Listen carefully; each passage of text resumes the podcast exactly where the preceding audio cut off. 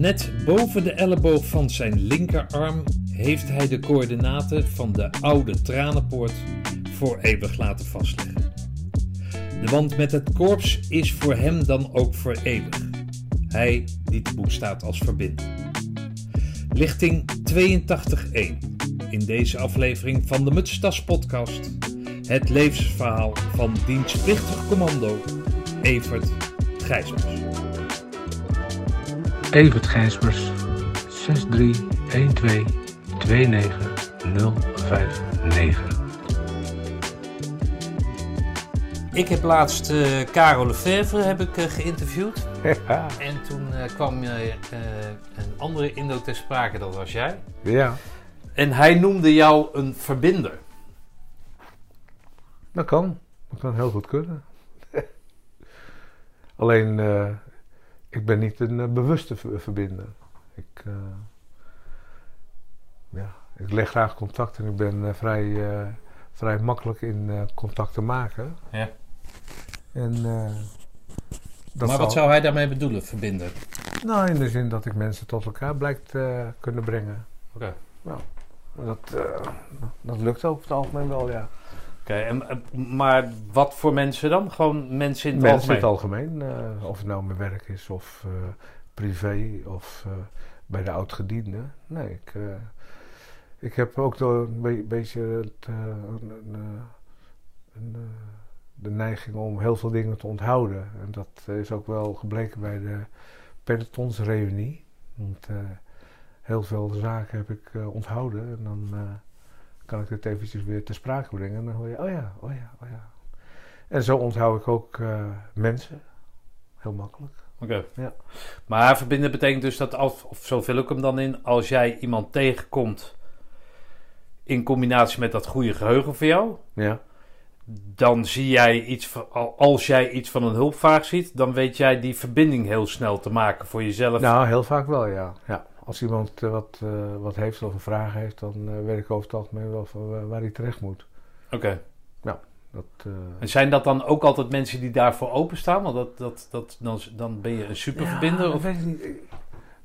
Kijk, het is heel simpel. er was ooit een, een oud commando die, die zei: Ja, mijn zoon die die zou wel eens wat bij jouw werk, hè, op de ambulance, die had, had, er wel interesse in.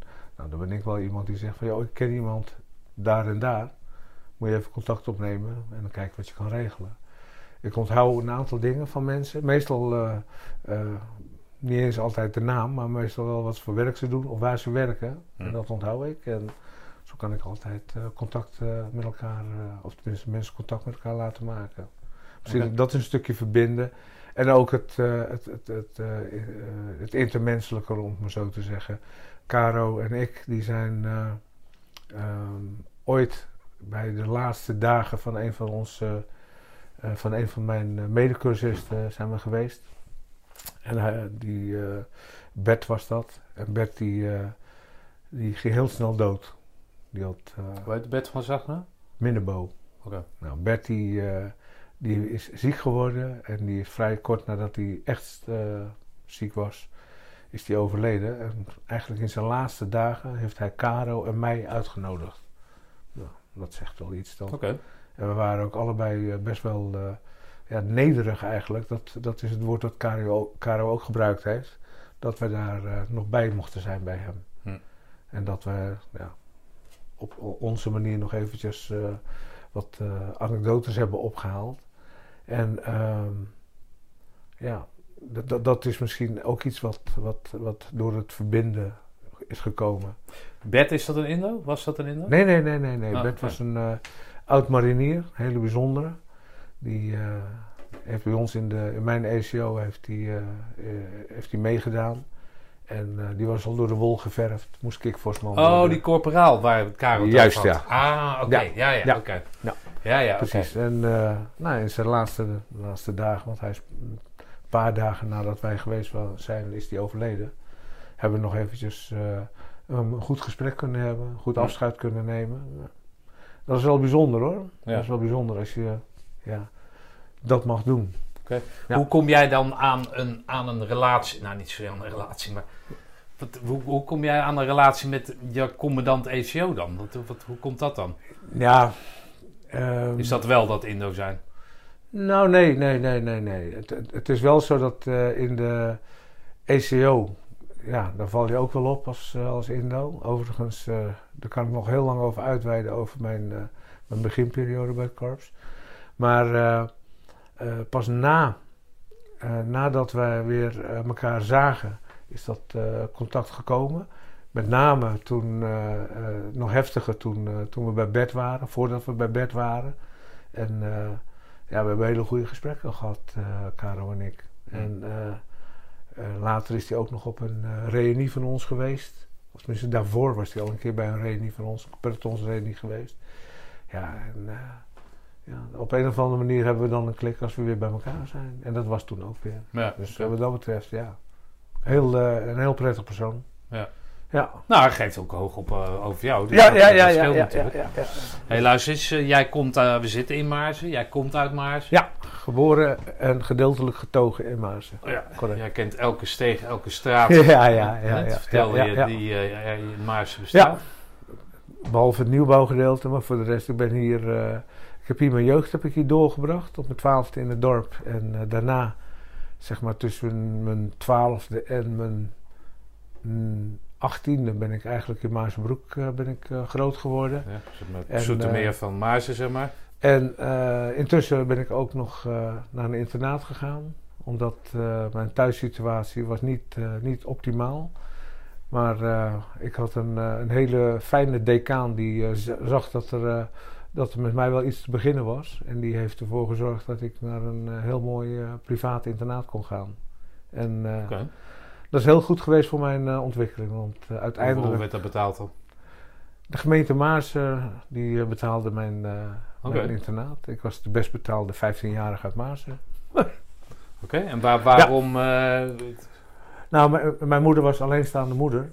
En met haar oorlogstrauma, want Indisch en eh Jappenkamp, wat heel veel eh, Indische mensen hebben meegemaakt. En eh, alle narigheid daaromheen, dat heeft, heeft mijn moeder wel gevormd. En als alleenstaande moeder heeft ze altijd moeten werken. En weinig kunnen omkijken naar mij, omdat, mijn, omdat zij altijd druk was. En ja, uiteindelijk heeft mijn zus mij het meeste opgevoed. En het meest voor mij gezorgd. Ja, en dan heb je een iets andere relatie met je moeder.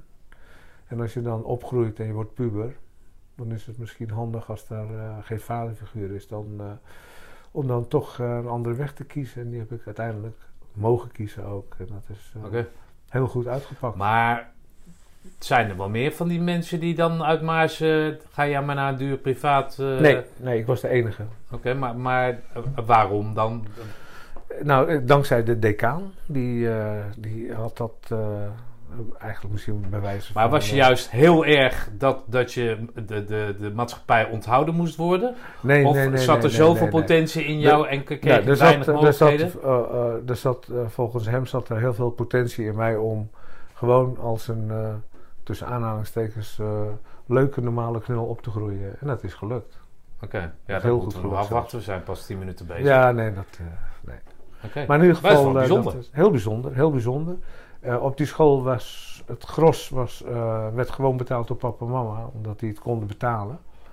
En eh, dat waren dan voornamelijk kinderen van expats en kinderen van ambassadepersoneel die er bij mij op Ja. school zaten, jongens en meisjes. Heel bijzonder, heel leuk. Hm. Zeker als je al in een puber in ontwikkeling bent. Ja, nou als het zo'n gemeenteinternaat, ja, ik ken wel een internaat in Zeist. De Brul. Wat Zo'n zo'n ouderwetse jongensinternaat met pa pastoors en, eh, en eh, weet je wel. Nee, dat was het absoluut Het waren niet. alleen maar kerels. Dit was eh, heel vrij, was dit. Het was gemengd, zoals ik net zei. En heel veel vrijheid hadden we. Wel beperkingen uiteraard, maar heel veel vrijheid. En ja, dat kan elk kind zich goed ontwikkelen. En eigenlijk zat vrijwel niemand daar verplicht. Nee, Niemand, eh, niemand onder dwang, laat ik het zo Nee. zeggen. De meeste kinderen kwamen uit normale gezinnen. En eh, ja, het enige, enige verschil tussen hen en mij was dat zij... eh, eh, dat de bankrekening van hun ouders wat ruimer was Ja. dan dat van de van contact met die lui? Met een aantal nog steeds, Ja? ja. Oh, Met een aantal nog steeds. Dat is wel heel grappig. En zo jong als ik was, ik heb natuurlijk wel mijn plekje moeten veroveren. Want ja, ik kwam niet uit een, een welgestelde familie, gros wel. En eh, je hebt natuurlijk altijd een, eh, een apenrots in, een, eh, in zo'n gemeenschap, hè, want er waren 70 kinderen. En ehm, ja, dan word je uitgelokt en dan moet je je plekje zien te veroveren. En dat heb ik binnen een maand voor elkaar gekregen. Heel simpel, gewoon eentje hard neerslaan. Degene met de grootste mond een tik geven en het was klaar. En het was meteen geregeld. Hm. En daarna nooit meer eh, problemen gehad daar. En eh, een goede positie eh, binnen de gemeenschap gehad daar. Oké. En hoe lang ben je, daar- heb je daar gezeten? Drie jaar. Oké. Drie jaar. En daar heb je dan je school afgemaakt? Ik heb daar eh, de MAVO en drie danslessen gehad. Oké. En, toen, ja. en daarna ben ik weer teruggegaan naar Maarsen. In eh 81 was dat. Toen heb ik hier nog even in Maarsen wat, wat baantjes eh, gehad. Heel erg leuk, want ik ging in militaire dienst in 82. Hm. Dat was, eh, Heel erg leuk die baantjes? Of je verlangde naar het militaire dienst dan of zo? nou, ik wilde per se zo snel mogelijk mijn dienstplicht Ja, oké. vervuld hebben. Omdat ik daarna gewoon of weer naar school kon, wat ik eigenlijk wilde. Of ging werken. Was in die tijd helemaal niet ongewoon. En nou ja, ik heb hier ook wel toevallig hier. We zitten nu aan de gracht in Maarsen. Een stukje verderop, daar stond vroeger een verhuisbedrijf. En daar heb ik in mijn jonge jaren mijn vakantiewerk altijd gedaan. Welk huisbedrijf is het? Niekerk was Oh, dat. die bestaan. Ja, die bestaan, nog steeds. Ja, ja. En toevallig heb ik eh, nog contact gehad met eh, een van de zoons. Huh. En eh, die wist nog te vertellen hoe ik daar gesolliciteerd had in 1981. eh, nee, 1979, 80 ben ik daar begonnen met vakantiewerk. Als heel Oh jong ventje. Ja. Maar dat heb ik dus gedaan. En toen heb ik nog wat in de bouw gedaan. Omdat ik wist dat ik... eh, Maar wilde jij zo ging. heel graag in dienst dan? Of wil je Ja. juist in dienst dat, zodat je Ik het wilde zo had? snel mogelijk en dan... wilde ik dat gehad hebben, ja. Oké. Dat was in eerste instantie mijn, eh, mijn, eh, mijn doelstelling. En dat is uiteindelijk gelukt. Want ik was... ik ben op 29 december ben ik 18 geworden. En op 4 januari kwam ik op. Oké. En dat was heel bijzonder. Want ik wist nog niet waar ik heen ging. Ik had wel gelezen dat ik naar iets van KCT ging. Alleen ik wist nog niet precies wat dat was. Daar kwam ik pas achter toen ik in eh, Bergen op Zoom opkwam. Want in Bergen op Zoom kwam ik op om, Ja. eh, dus eh, PSU op te halen. Ja. Dat was heel bijzonder. Oké. Maar dat was, ja, zo is mijn, mijn, mijn jeugd eigenlijk best wel, best wel goed verlopen. Leuk verlopen eigenlijk wel. Ja. Ja. Nou ja, is leuk. Ja. Afgezien, afge, af- terugkijkend op, is het Ja, allemaal goed gekomen, allemaal laat het zo zeggen. Nou, het ik heb een hele mooie tijd gehad eigenlijk. Eh, zowel hier in Maarsen als, eh, als in Dordrecht heb ik het eigenlijk reuze naar mijn zin gehad. Toen Ja, ik wil je niks aanpraten. Nee, maar, nee, maar nee, nee, nee, nee, nee, nee, maar absoluut gezien de eh, omstandigheden zou je zeggen dat het ook anders had kunnen aflopen. Is, is, is dat, Tuurlijk, tuurlijk. Als je niet naar tuurlijk. het internaat was gegaan, had, was er Nou, dan was kans geweest dat je ontspoord geraakt was? Misschien ontspoord, misschien had ik een eh, ander pad gekozen, ik weet het niet. Dat zul je nooit weten, want het is niet gebeurd. Nee, oké. Nee, oké. Maar het was niet, je, ziet het niet zo van, dat is mijn absolute redding geweest. Nee, nou, Ja. zo zie ik dat niet. Ik zie, dat dat, eh, ik zie alleen maar dat dat eh, goed voor me geweest is. Ja. Dat het me is, ve- veel, eigenlijk veel gebracht heeft. Oké. Maar goed, KCT, je weet niet wat het is, maar dan heb je je wel opgegeven. Of Ja, je wel ja, je ja. Nou, want bij de keuring, ik, dat, eh, even kijken, ik ben ooit in Delft, als, ja, in Delft ben ik gekeurd, omdat ik in Dordrecht woonde. En eh, nou ja, dan had je op een gegeven moment, eh, had je die morsetest. Je hebt natuurlijk de aboses heb je dan, en heb je die morsetest. Nou ja, dan zat ik als laatste zat ik in een klasje. En achteraf bleek, bleek dat dus te zijn, te maken te hebben met eh, het KCT. Omdat je dan eh, de, de N, de T en de O in morsen moest, eh, ik weet niet of jij dat nog gehad hebt, maar eh, ik heb nog de morsetest gedaan. Ja, ik ook. En toen was ik, eh, was ik best wel goed in blijkbaar. Ah. En dat was een van de redenen. Laatst in de zin van dat de rest wegliep. Ja, want Eh, als je, ik- als je het niet haalde, als je het niet meer volhield, dan moest je weglopen. Ja, oké. En ik zat Ja. als laatste in de klas, omdat eh, ik de piepjes begreep. Ja, oké. oké. En dat was een van de redenen waar- waarom ik bij het KCT ben gekomen. Dus op 4 januari kwam ik eh, bij het KCT. En op eh 5 januari werd ik weggestuurd. Want? Moest ik weg. Ja, want, Ja. Nou, heel simpel. Ehm, je hebt de eerste twee dagen hadden we dan de, had je weer een keuring en dan had je de tests. Had je weer de Morse-test, de Cooper-test, eh rekste- rekstok en je had nog meer eh, dingetjes die je allemaal moest doen. En ik was daar redelijk goed in. Ik was eh, bij de meeste onderdelen van de groep waar ik mee was, was ik of nummer 1 of nummer 2. Dus daar eh, aan mijn fysiek lag het niet. En eh, op de tweede dag stonden we opgesteld met toen nog drie pelotons. En toen werden de namen afgeroepen van de mensen die overgeplaatst werden. Dus weg moesten bij het KCT. En ik werd genoemd.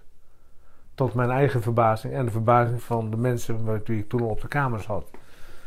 En ik ben s'avonds, ben ik, eh, of 's middags, s'avonds was dat. Toen moest ik me bij een of andere officier moest ik me op de eerste verdieping melden in het compiersgebouw. En eh, toen ben ik binnengekomen. En eh, toen werd er gezegd, nou Gijsbers, jij moet weg. Dus waar wil je naartoe? Want ik mocht wel kiezen waar ik heen wilde. En ik had zoiets van, ja, nog even, dat, kan natuurlijk niet. Want ik ben hier nou. En ik wil hier blijven. Dat was het, hetgeen wat ik dacht. Nou, moet je weten, ik, eh, ik ben eh, Indisch opgevoed. En dat betekent dat je eigenlijk nooit een volwassene zomaar tegenspreekt. En dat was de eerste keer in mijn leven dat ik echt een volwassene ben gaan tegenspreken. Het was volgens mij een kapitein of een grootmajor was dat. En ik zei, eh, nou ik ga niet weg. Rode kop. Ik ga niet weg. Ja, maar je moet weg. Ik zei, maar ik ga niet weg. En het is even doorgegaan. Waarop die man aan mij vroeg van ja, je moet weg, maar waarom denk jij dat je mag blijven? En toen, dat was natuurlijk de vraag die ik had moeten ho- horen. En toen zei ik, ja, ehm, ik ben in alle tests ben ik één of twee. Ik ben hartstikke goed overal in. En als laatste argument wat ik gaf, niet het allersterkste argument, jullie hebben mij opgeroepen. Ja, en toen was het heel lang stil en toen ging meneer schrijven. En eh, toen heeft hij gezegd, eh, ga maar naar je kamer, eh, hier hoor je meer van. En toen ben ik naar mijn Maar kamer het was dus niet, het was niet, het had geen relatie tot jouw prestaties. Het was gewoon Ik op het niet. alfabet of op weet ik veel Ik- wat. Nee, ik weet het nog. Ja, Nee, ik, ik- pas, pas veel later wist ik het. Veel later, jaren later. Maar op dat moment, ik heb het nooit geweten. Oké, maar verklap Ik eens ben- wat, wat dat ik was ben dan. naar mijn kamer gegaan. En ik- ik heb er in zoverre, ik heb er nooit meer wat van gehoord. Waren het niet dat dat later wel teruggekomen is. Dat ik er niet bij had mogen zijn. Het was natuurlijk achteraf, ik was een van de allerjongste. Want ik was net 18, echt net 18. Ehm, met MAVO en drie danslessen was ik een van de laagst opgeleide in de, in, in de, in de club. Want de rest was eh, ja, HAVO of hoger zelfs.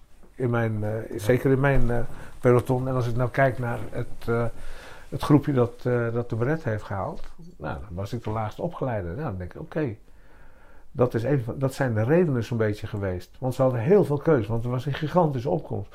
Om en nabij de 125 man kwam erop. En dat moest toch een aardig geschift worden. Ja, ja. En ik ben gewoon gebleven. Dat was nog het mooiste van alles. Hmm. Waar het niet dat ik de eerste of de tweede week kreeg ik ruzie met een van de jongens eh, in de compagnie.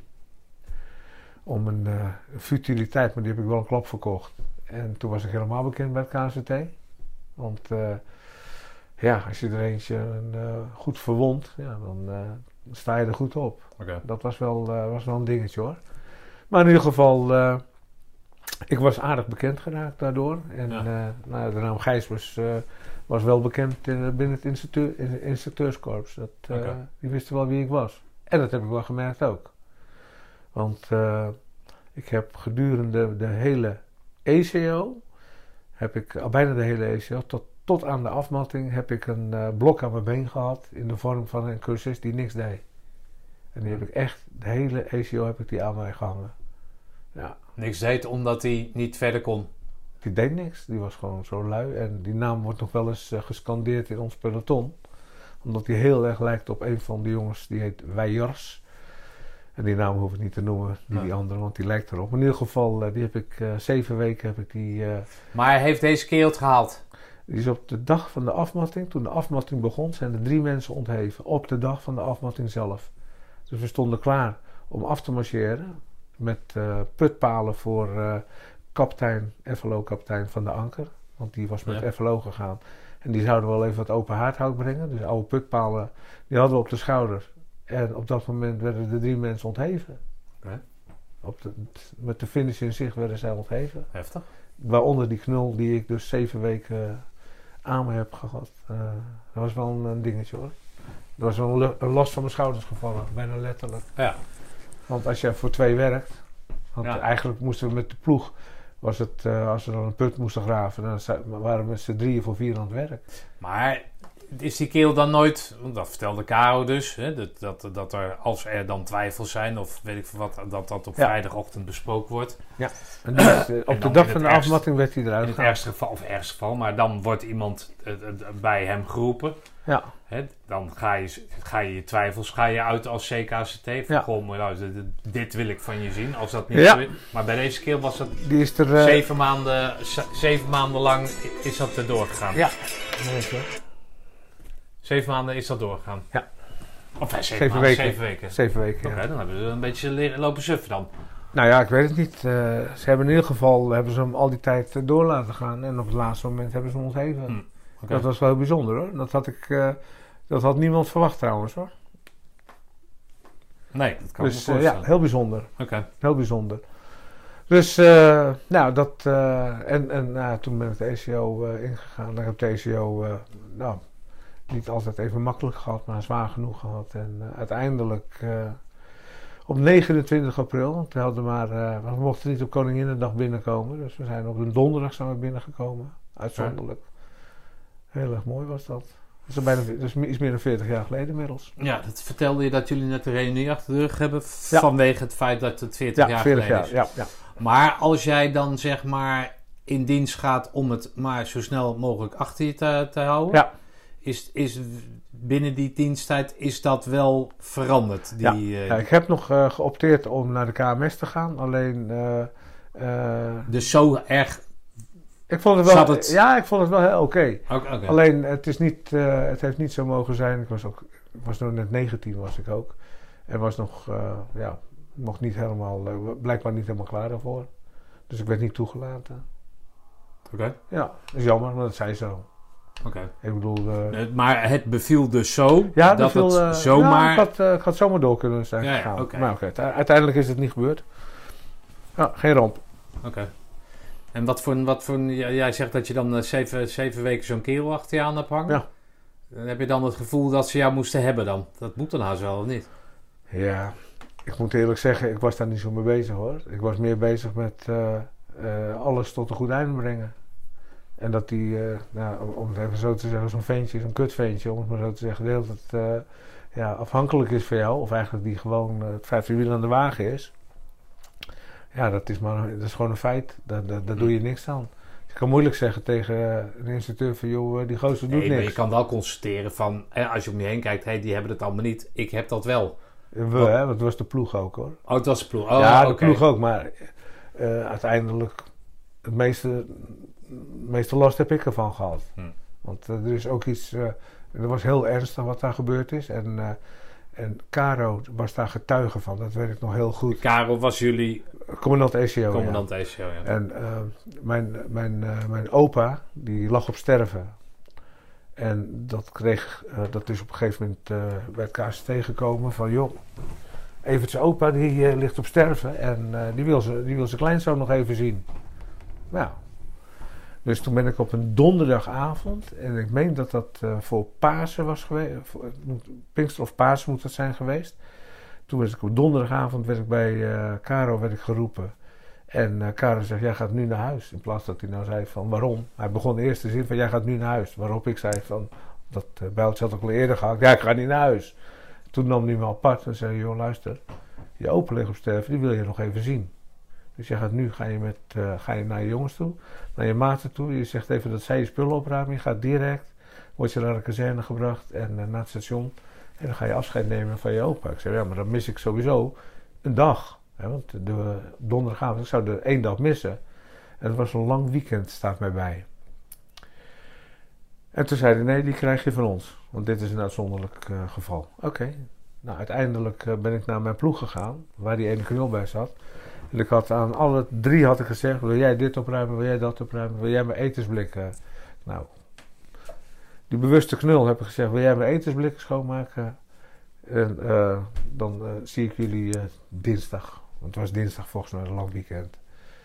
Afijn, zo gezegd, zo gedaan. Ik naar huis afscheid genomen van mijn opa. Helemaal goed gegaan. En ik kom de volgende maandagavond kwam ik terug. En nou, weet je, je gaat in het verwarmingshok, haal je je plunjebal, je rent naar je tent toe, je legt alles netjes klaar.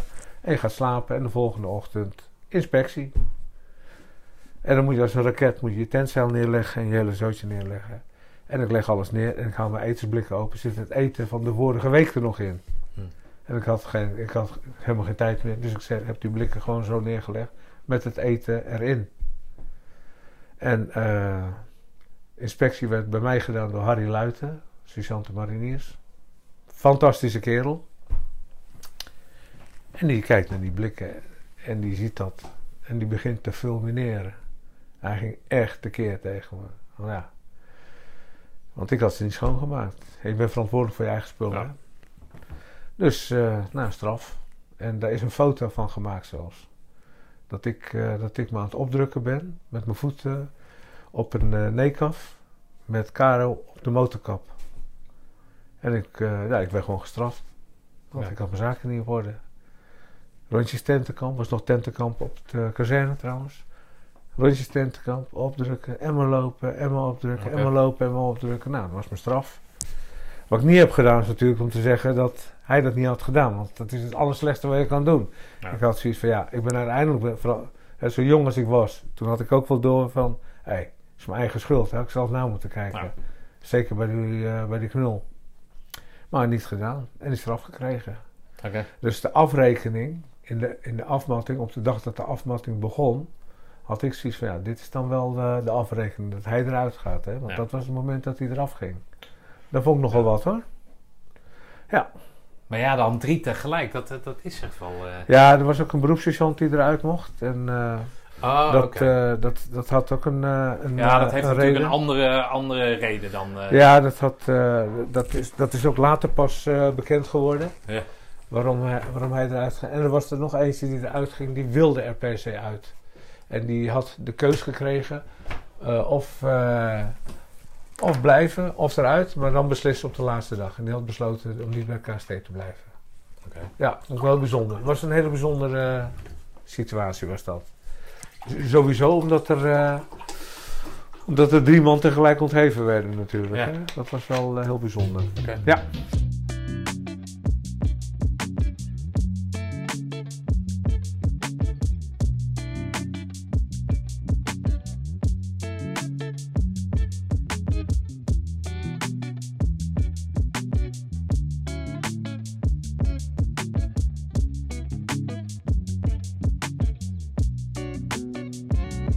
Hey, jij vertelde over, jou, eh, over jouw moeder. Nou, die was wel eh, trots. Ja, dat is mijn vraag dan mijn verslok. Maar die heeft jou dan drie jaar moeten afstaan, dus overdreven. Maar Nou, ik was in de weekenden was gewoon thuis hoor. nee, snap ik. Ehm, Ja. Maar die is dan drie jaar het, jou onthouden, om het zo maar te zeggen. Ja, die moet dan, dan trots zijn. Het- Dat, dat moet Oh, een maar dat was verzekering zo. zijn Dat van, was zeker. van dat het allemaal goed is Ja. gekomen. Nou, maar er was ook. eh, eh, er was geen, eh, geen, eh, geen nijd tussen ons hoor. Absoluut niet zelfs. En ook, eh, ook het contact was gewoon goed. Nee, dat Wat snap dat ik. Maar dan, dan moet het wel iets zijn van... Hè, kijk, daar komt hij aan. Of dat, dat zal, hij zal daar tussen lopen. En dat is godverdomme mijn zoon. Ja, nou, die was daar heel trots op. Ja. Ja, absoluut. Ja. Er moest een paar... wie was jullie... Oh ja, eh Caro. Caro, ja. En, en Wie hadden we nog meer aan? Je bedoelt de instructeurs? ja, van de? Anker had jij dan ook of niet? Ja, van de Anker was erbij. eh, Peter van de Putten. eh, Ron Aartsen. Ben de Jong. Ja, dat zijn natuurlijk niet, het waren niet dedicated. Ja, de, de Harde Luid heb ik natuurlijk genoemd. Ehm Siegel. Schuilenburg. Ja, dat zijn er, zijn er nogal wat hoor, die de revue hebben gepasseerd. Uiteraard Riem Broeders, die was er ook nog bij. En wie hadden we nog meer? Van de Oetelaar. Ja, mijn geheugen is redelijk goed nog hoor. Ja, dat blijkt. Maar ehm, Even kijken, ik geloof niet eens Ja, dat, ik er dat- veel vergeten ben. Nee, dat moeten ze Nee, dan wel, nee. eh, wel zijn dan. Ja. En dan heb ik van Karel begrepen dat heel veel pelotons die dan zeg maar eh, binnenkomen, een, een, eh, een PS kennen dan in de 104. Ja, ja, ja, dat was die René zelf hebben Nobel. opgeleid. René Nobel. Oh, oké. Dat, was, dat was wel bijzonder, want René Nobel was de allereerste groene beret die ik ooit zag. Want in Bergen op Zoom stond hij ons op te wachten. Ah, oké. En hij was ook ins- eh, instructeur in de ECO uiteraard. En hij, later werd hij onze PS. En dat was een hele bijzondere man. Die, Ja? ik, die ik echt heel hoog had zitten. Dan, moet, dan, moeten, dan moeten, moeten wij, want ik ben van 82,6, moeten wij jullie zijn opgevolgd dan. Ja, ja, jullie hebben mij ons opgevolgd, hè? Ja, derde peloton, hè? Maar was dat dan dat, ook dat peloton met. eh, waar op de laatste dag drie kerels sergeant werden? Dat zou heel Kats, goed kunnen. Kats van ja. Lichtenvoorde? Is dat. eh, nee, was nee, het... nee, nee, nee, nee. Ik weet niet meer wie de sergeant werden. Want er zijn er drie inderdaad bevorderd, ja. Ja. Oké. Ja, ik ben niet bevorderd. En ik, heb, oh, ik zou de laatste dag zou ik ook nog bevorderd worden tot eh, soldaat commando 1.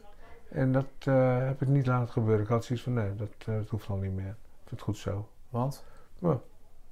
Nee, dat is mosterd na de maaltijd. Oké. Hadden ze ook, hadden ze ook een paar maanden eerder kunnen doen.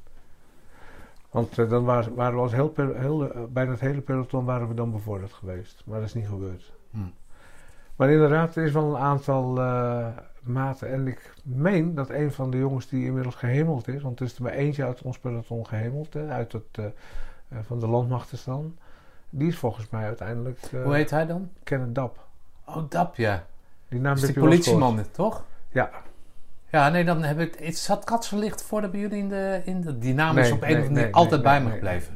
Nee, nee. die naam die Ah. ken ik niet. Tenminste, niet, niet, eh, niet bewust. laat ik Nee, het ja, oké, dan zal die niet in je, in je Nee. peloton. Nee, maar Nee, het ging dus over René Nobel, omdat hij dus onze PS werd. Snap Is die ook jouw PS Ja. geweest? Oké. Ja, en later is hij de dienst verlaten. Ja, voor de douane. Ja, en, en, en ik vind het zo erg dat ik die man nooit meer heb gezien. Want het had, die had het eens dan wat over, want ik, ik ken Nee, die het man was, gewoon, eigenlijk het was een hele sympathieke. Hij had een eh, staalblauwe ogen. Dat zal ik nooit vergeten. Als die, eh, als die wat zei, dan ging zijn hoofd een beetje scheef. Ja, dat, en op een of andere manier had ik wel een klik met die man. Hm. Ja, hij had humor, had hij. Op, op op- hij zei nooit heel erg veel, maar hij was een hele sympathieke, rustige vent. Oké. En die is de dienst uitgegaan, die is met KST weggegaan. En ik, eh, nooit, meer, nooit meer teruggekomen. Ja, hij is naar de douane gegaan. Ja, hij is naar de douane gegaan, Ja. maar nooit meer teruggekomen. Nooit meer gezien. En dat vind ik echt heel spijtig, want het was een hele, hele, hele sympathieke man. Oké, Ja, grappig. ja, ja. Ja, ik weet wel, want ik heb Jatse Wang geïnterviewd. Ja, En die heeft samen met hem de koudweertraining twee gedaan. jaar of zo bij, bij de mariniers doorgebracht. Nee, ze hebben de koudweertraining hebben ze ja, samen. maar ze hebben heel lang erbij Ja. gezeten. Even kijken, eh, Jatsen en eh, hij en later geloof ik ook Malinka uit mijn hoofd. Hm, Die hebben volgens mij allemaal die, koud, die zeg maar dat eh hetje op de borst. Ja. Ja. Maar zij hebben daar ook daadwerkelijk bij die whisky company volgens Ja, mij was whisky dat, hebben ze dat, ja. gediend. Ja. Echt een hele tijd. Als landmachters, ja. ja, als landbachters. Ja, dat dus dat maakte, ja. het, eh, dat maakte het uniek. Ja, ja dat was een Nobel, ja, inderdaad. Ja, heel bijzondere, bijzondere vent. Grappig. Ja. ja. Maar spijtig dat, eh, dat, dat, die, eh, dat ik die nooit meer heb gezien. Want eh, ja, ik vind dat eh, bijpraten, eh, dat vind ik al, eh, Ja. wel leuk. Dus op een reunie ben je wel op zoek gegaan, op de reunie, maar dan... Ja, maar dan had je elkaar sowieso gezien, maar het is niet gebeurd. Nee, want eh, die is nooit meer teruggekomen. Oké. Ja, spijtig. Maar goed, dus jij, jij opteert voor de KMS. Ja, Maar, Maar dat ging niet door. Dat Nou, ging niet snel door. over, dus eh, meteen, eh, meteen door. En toen wilde ik, eh, eigenlijk wilde ik naar de MEAO toen ik uit dienst kwam. En toen had ik me aangemeld bij de MEAO. En dat was wel iets heel bijzonders, want eh, ehm, ik had vanuit Roosendaal had ik de brief geschreven dat ik me aan wilde melden. En toen kwam ik daar en toen zei, eh, werd ik niet toegelaten, ondanks dat ik gewoon goede cijfers had eh, van, eh, vanuit mijn MAVO. En toen zei die directeur: Ja, ik geloof niet dat deze school voor jou geschikt is. Want ja, het kan nog alles betuttelend overkomen voor iemand die bij de commando's heeft gediend. Hm. Nou, toen was ik er helemaal klaar mee. Met die commando's of met die MEO? Nee, met die Meo. toen dacht ik, is dit? Oké. En eh, toen ben ik eh, de dienst uitgegaan met meteen gaan werken. Toen dacht ik, eh, dan maar niet, dan maar niet, dan maar heel veel werkervaring opdoen. En dat is ook zo, zo gebeurd, want ik had zoiets van, oké, als dit Maar wat is- wilde jij met een eventuele studie dan, wat wilde jij gaan bereiken dan? Oh, dat weet ik nog niet. Ik, Oh, denk, dat ik ga, sowieso, ik ga sowieso verder leren. Oké. Ik vond eh, administratief commercieel vond ik toch wel, eh, vond ik toch wel een leuke richting om dat, eh, te gaan doen. Desnoods secretarieel had me ook niet uitgemaakt, maar eh, dat maar dat ik, betekent, dat, dat weet jij toch, dat, dat dat achter een bureau is en zo. Dat staat er Ja, redelijk toen wel. Ja, oké, maar ja. dat trok je dus. Nou ja, het, het, het, het met mensen omgaan en het commerciële had je natuurlijk ook nog. Ja. Ja, dat, dat leek me wel wat, maar dat, het mocht niet op die school. Was hier Oké. eh, verderop in Utrecht was dat. Oké. Heel bijzonder. Heel bijzonder. Maar, Maar dan besluit je dus om je leven dan eh, Ja. eh, werkend ja, te gaan doen. Ja, want dat was, ik zat nog in dienst toen ik, daar, eh, toen ik daar geweest was. En toen kwam ik de dienst uit. Toen ben ik meteen gaan werken. Met een bepaald doel of... Nee, joh, gewoon pakken wat ik pakken kon. Maar weet je, je bent net 19. Ik was net 19 toen ik eruit kwam. Ja. En dan weet je nog niet veel. Dus dan doe je pa- aanpakken wat je, wat je aan kan pakken. Nou, en zodoende ben ik eh, bij een, eh, een automatiseringsbedrijfje gaan werken. Dat was eh piepklein, maar wel een goed begin geweest. Gewoon een beetje met, met computers lopen rommelen. Toen de tijd had je nog geen PC's, maar wel de eerste Apple. Ja. De eerste professionele Apple. Daar ben ik ooit op begonnen. En zodoende ben ik eigenlijk van het een in het andere gerold. Ja. Eh, uiteindelijk tot en met 88. Eh, ja, nee, langer tot met eh, 89 in de automatiserings, eh, automatisering gewerkt. Verschillende dingen gedaan. Zowel eh, eerst technisch, later ook eh, commercieel. Ja, dat was het eigenlijk in die tijd. En toen heb ik in 88 mijn meisje leren kennen. Dat was natuurlijk het mooiste wat er was. Bij hetzelfde bedrijf, ja, tuurlijk. We waren collega's en. eh, ja. En. eh, Hoe heet ze? sorry? Hoe heet je vader? Josje. Ja, dat was een hele mooie tijd, want eh, we werkten hier, ik werkte hier in Maarsen notabene. En eh, dat was het, eh, het was, tegenwoordig heet dat, of, nee, het heette toen de tijd Raad. Dat was een, Oh, die ja, ja, oké. dochter- RAIT, dat was een, Ja. een, een, een dochtermaatschappij van de Heidemee. Oké. En daar, zij, zij werkte al een jaar eerder daar en ik kwam een jaar later daar werken. En eigenlijk pas eh, na, twee, na een jaar dat, dat ik daar werkte, zagen we elkaar eigenlijk. En eh, met een weekendje wintersport in Duitsland, eh, toen, toen is de vlam overgeslagen, of de vonk overgeslagen. En nou ja, toen zijn we eigenlijk vrij snel binnen twee weken gaan samenwonen. En dat is nu, even kijken, sinds 88, dus al 34 jaar. Wat, wat, wat is er zo leuk aan Josje dan? Ja, als je dit ziet. dat is simpel, hè? Ja, ik heb het niet gezien, maar dan, dan Ja, moet je ze beschrijven leuk- dan. Leuk, eh, een, een- een leuke griet. Een leuke griet. Mooi. Alles erop en eraan. Ja. En we konden het heel goed met elkaar vinden meteen. Dus ja, dat was wel heel erg leuk. Onze eerste kennismaking overigens niet, want dat kan zij zich niet meer herinneren. Dat, eh, want ik had haar naam al heel vaak gehoord. Hè. Zij werkte er al een jaar. En zij heeft zich aan mij voorgesteld en dat kan zij zich niet meer herinneren. Andersom ik wel, want ik vond haar best wel leuk. Alleen in die tijd had ik nog verkering en eh, ja, was er nog niks, eh, was er nog niks, eh, nog niks groeiende. Zelfs niet op de dag dat wij met z'n tweeën in de bus stapten op wintersport. Toen was er nog niks, maar toen we in de bus zaten, toen was het.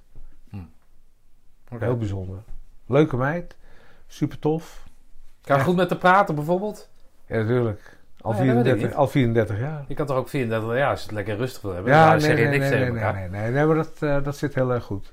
We hadden ook eigenlijk vrij snel, eh, binnen een paar, een paar weken, hadden we al besloten dat we gingen trouwen. En dat we een dochter wilden. Nou, dat is allemaal gelukt, binnen drie jaar. Dus binnen drie jaar waren we getrouwd. En eh, binnen zes jaar hadden we een dochter. Oké. Ja.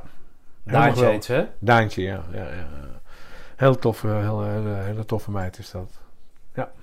En eh, ja, eigenlijk alles wat we wilden is uitgekomen. Hm. Dus wat dat betreft eh, heel erg goed. Oké. Heel mooi. Maar hoe, jij, jij vertelde in het begin, ik, ik weet het, maar even hè, spanningsopbouw. Jij zit op de ambulance. Wat, wat, hoe, hoe kom je daar dan? Ja, nou, ik heb, eh, ik heb heel veel dingen in mijn leven gedaan. Ik vertelde net automati- automatiseren. Bouwgerelateerd heb ik heel veel dingen gedaan. En eigenlijk in, eh, toen ik Josje leerde kennen, toen eh, was ik, eh, vond ik snowboarden al heel erg leuk, wintersport. En eh, dat is altijd een hobby van me geweest, een hele mooie hobby. En ik ben ook instructeur geworden. Ja. Ski-instructeur, snowboardinstructeur en nog veel meer dan dat. Doe, doe, ik in, eh, die, doe en deed ik in de wintersport. En eh, dat heeft uiteindelijk geresulteerd dat ik in de 2005 voor mezelf ben begonnen. En een indoor skischool eh, heb, heb Oh. ja, ben begonnen. Er stond een eh, rollende band is dat. Er staan er inmiddels 50, eh, 50 scholen in Nederland en ik had er eentje. Eén ding had ik wat minder goed gepland. Ik ben in de crisistijd begonnen.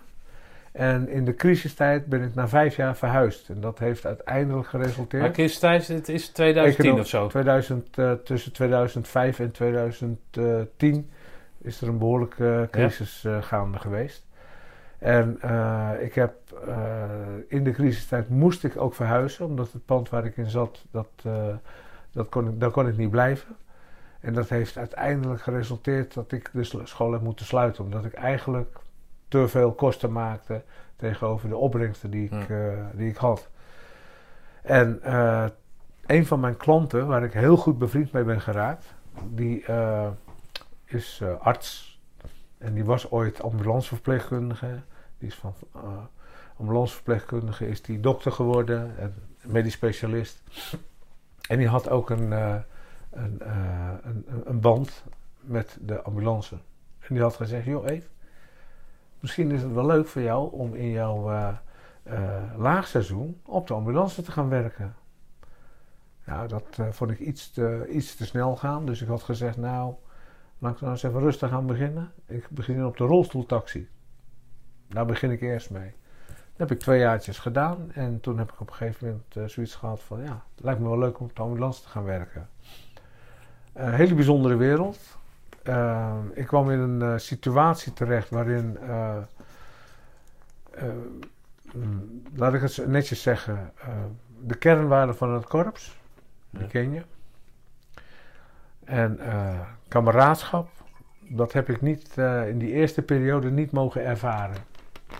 Ik ben op de spoedambulance ben ik opgeleid. En twee weken voor mijn eindassessment, toen eh, werd mij te kennen gegeven dat ik niet meer mocht rijden. En dat was een aardige klap in mijn gezicht. Want als je twee weken voor je eindexamen, om maar zo te zeggen, dan zou er heel veel gebeurd moeten zijn in een hele korte tijd. Want anders gaan ze dat niet op het laatste moment zeggen. We kennen de geschiedenis van het korps natuurlijk. De laatste dag van de afmatting, nou dat, zo voelde dat voor mij ook. Waren het niet dat er een aantal mensen was die zeiden van ja, maar jij bent met een kruiwagen binnengekomen, dat gaat zomaar niet. Dat is iets wat daar gespeeld heeft. Uiteindelijk ben ik er in 2014 weer afgegaan. En eh, toen ben ik over de hele wereld gaan reizen. Voor Maar een- sorry dat ik Ja. onderbreek, maar mocht jij dat examen nou wel of niet nee, doen? dat mocht ik niet doen. Oh, en wat, Nee. wat, wat was de reden dan? Nou, dat is nooit echt, nooit echt met zoveel woorden gezegd. Oh. Daarom zeg ik, kameraadschap en kernwaarden van korps, die waren daar niet. Nee, maar dat was niet zo dat je zoals bij, de, bij die computerscommandant zei nou dat ga ik niet doen. Nee, dat kan niet, want eh, er, is meteen, er zit meteen een knip in. Want eh, eh, de, de academie, die mag jou niet eens het examen laten doen daardoor. Want als op een gegeven moment de werkgever zegt, jij werkt hier niet meer, dan is het Mhm. klaar. Oké. Ja, het is een eh, aparte wereld is dat. Maar in ieder geval, het is heel, eh, heel, heel naar verlopen. Tegelijkertijd moet ik er wel bij zeggen dat het, eh, dat het me ook weer iets gebracht heeft. Want ik ben er van de ambulance afgegaan. En ik werd eigenlijk vrij snel werd ik benaderd door een, eh door een skibanenbouwer waar ik ooit mijn skibaan had gekocht. En de machine. En die had gezegd, joh Evert, jij, hebt, jij kan dingen die heel veel mensen niet kunnen. Jij kan skiles geven, snowboardles geven. Jij weet hoe zo'n skischool werkt. Jij weet hoe zo'n machine werkt. En jij weet hoe je zo'n machine uit elkaar haalt en in elkaar zet. Ja. Hij zegt, ik ben de grootste fabrikant van de wereld op dat gebied. Wil jij af en toe voor mij komen werken?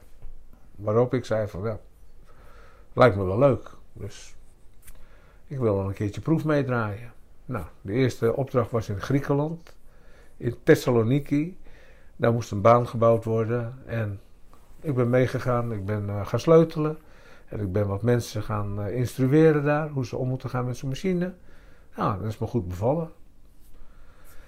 Dus van daaruit eh, Nou, heb ik gezegd... baan lijkt me dan. Heel erg leuk, ja. Ja. Dus ik heb gezegd van, nou, als je nog meer opdrachten hebt, laat maar weten. Nou, zei hij, ik heb Singapore op de rol staan, ik heb Peking, Peking en nog een keer China, en nog een keer Amerika, en nog een keer Amerika, en nog een paar in Europa. Dus ik heb genoeg te doen. Dus ik dacht van, nou oké, eh, laten we dat maar doen dan. Dus ik ben eh, van hot naar haar gevlogen en overal eh, ben ik lekker bezig geweest. Heb ik banen gebouwd. Oh, En de mooiste, een van de mooiste opdrachten, dat was namelijk ook een hele bijzondere periode, dat was Singapore. Moest in Singapore moest er een baan gebouwd worden. En er moesten ook de instructeurs opgeleid worden. Dus de ski snowboard instructeurs moesten opgeleid worden. Dus ik ben daarheen gegaan om die baan te bouwen. Nou ja, op zo'n baan moet, eh, wordt een tapijt gelegd, en die wordt vastgelijmd en die moet drogen. En toen had ik bedacht, voordat ik wegging, ik kan natuurlijk ook naar Indonesië gaan. Waar, Ja. mijn, eh, waar gedeeltelijk mijn eh, roots liggen. En wat je niet weet, maar wat ik nog even wil vertellen is... Mijn moeder, die is in de jaren 60 uit Indië gevlucht. En die heeft drie zoons achter moeten laten. Dus die had alleen een, eh, een, eh, een dochter en een, eh, een, ziekelijk, ziekelijk zoontje. Moest zij meenemen naar Nederland. Hm. Mijn zus en mijn broer. En die heeft drie zoons achtergelaten daar. En ik had, ik heb eigenlijk nooit contact gehad met die, met die broers. Halfbroers moet ik zeggen. Dus ik ben via via ben ik in contact gekomen met de oudste zoon van mijn moeder. Oh, ja. En die ben ik op gaan zoeken daar. Want die skibaan moest toch even rusten. Toen heb ik eh, tien dagen eh, Indonesië geboekt. Via Bandung naar Bali. Dus eerst een paar dagen in Bali. Of eh, in Bandung geweest om mijn halfbroer op te Oh, zoeken. wat mooi. En dat was heel bijzonder. was een, de, de, de, de, mannelijke variant van mijn moeder was dat. Die leek heel erg op mijn moeder. En die heb ik toen ontmoet. Oh, mooi. En dat was echt, echt heel bijzonder. Eh, de andere twee eh, halfbroers heb ik niet, eh, niet gezien. Eentje die eh, kon ik niet zien omdat hij op eh, Papua Nieuw-Guinea woonde en werkte. Ja.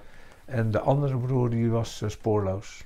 Oké. Die is niet, heb ik nooit kunnen vinden en zij ook niet. En, maar eh, hoe kwam jij in contact met jouw halfbroer dan? ja, via, via hier in Nederland, via nichten Oh, die dan wel al iemand kende. Ja. Een soort van, eh, van, eh, van eh, spoorloos, alleen wat sneller ging het bij mij. Dus daar ben ik toen heen geweest. Ik ben ook in Bandung. Dat was wel heel bijzonder.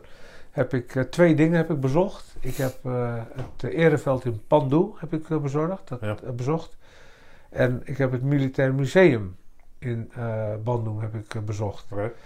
En dan zie je het contrast van, van wat er gebeurd is in de Tweede Wereldoorlog en, en daarna, hè, tijdens de politionele acties. Want dan zag je de graven van de militairen en burgers die omgekomen Ja. zijn eh, in eh, Nederlands-Indië. En met name in, eh, in, de, in, de, in de streek van Bandung. En ik heb het Militair Museum, het Indonesisch Militair Museum in Bandung heb ik bezocht. Ja. Daar zag ik hoe Nederland zich heeft gedragen daar. En dat was ook heel bijzonder. Dat is een eh, heel contrast. Dan zie je dus van beide Maar kanten. de, de, de, de verhaal. slechte kant van, eh, van, het, van het Nederlands verhaal, zeg maar. Uiteraard. Ja, dat, nee, eh, dat wordt daar s- ongecensureerd zie je dat. Mm. Ze hadden ook een, een speciaal hoekje voor kapitein Westerling hadden ze, hebben ze ingeruimd daar. Hm. Die wordt daar speciaal wordt die daar genoemd. Met foto's. En dat is natuurlijk een heel ander beeld dan dat wij in Nederland hebben.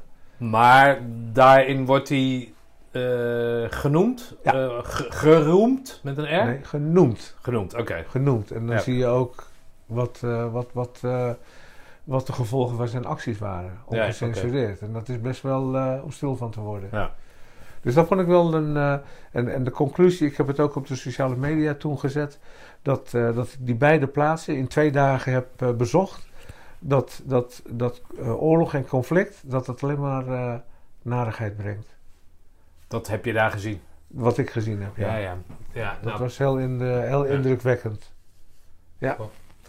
En ik heb later op Bali heb ik ook nog een, eh, een, eh, een, een, eh, tentoonstelling gezien.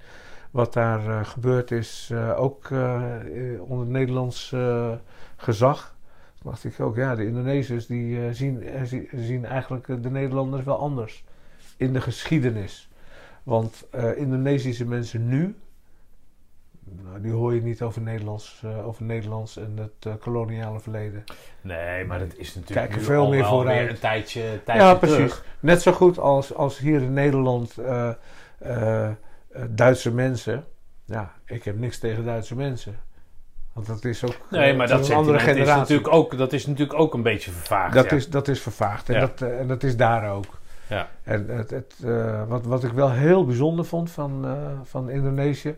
is dat eh, de Nederlands-Indische mensen die daar nog zijn... en de mensen met eh, Nederlandse achternamen... die gaan wel allemaal nog netjes naar de christelijke kerk. Hm.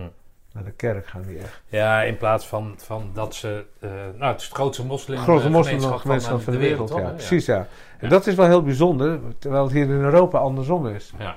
Dat is wel heel bijzonder. Dat zie je dus dat als jij een, een, een minderheid bent, en dat zie je hier in Nederland ook, eh, is de, de gang naar, naar het, eh, het gebedshuis, gebedshuis, wat voor jou dan eh, voor de minderheid is, wordt daar veelvuldig bezocht. En dat is daar Ja. ook. De kerken daar en de, en, de moskeeën hier in Europa. Ja. Vind ik wel, vond ik wel een heel bijzondere, bijzondere constatering, vond ik. Ja. dat. Ja.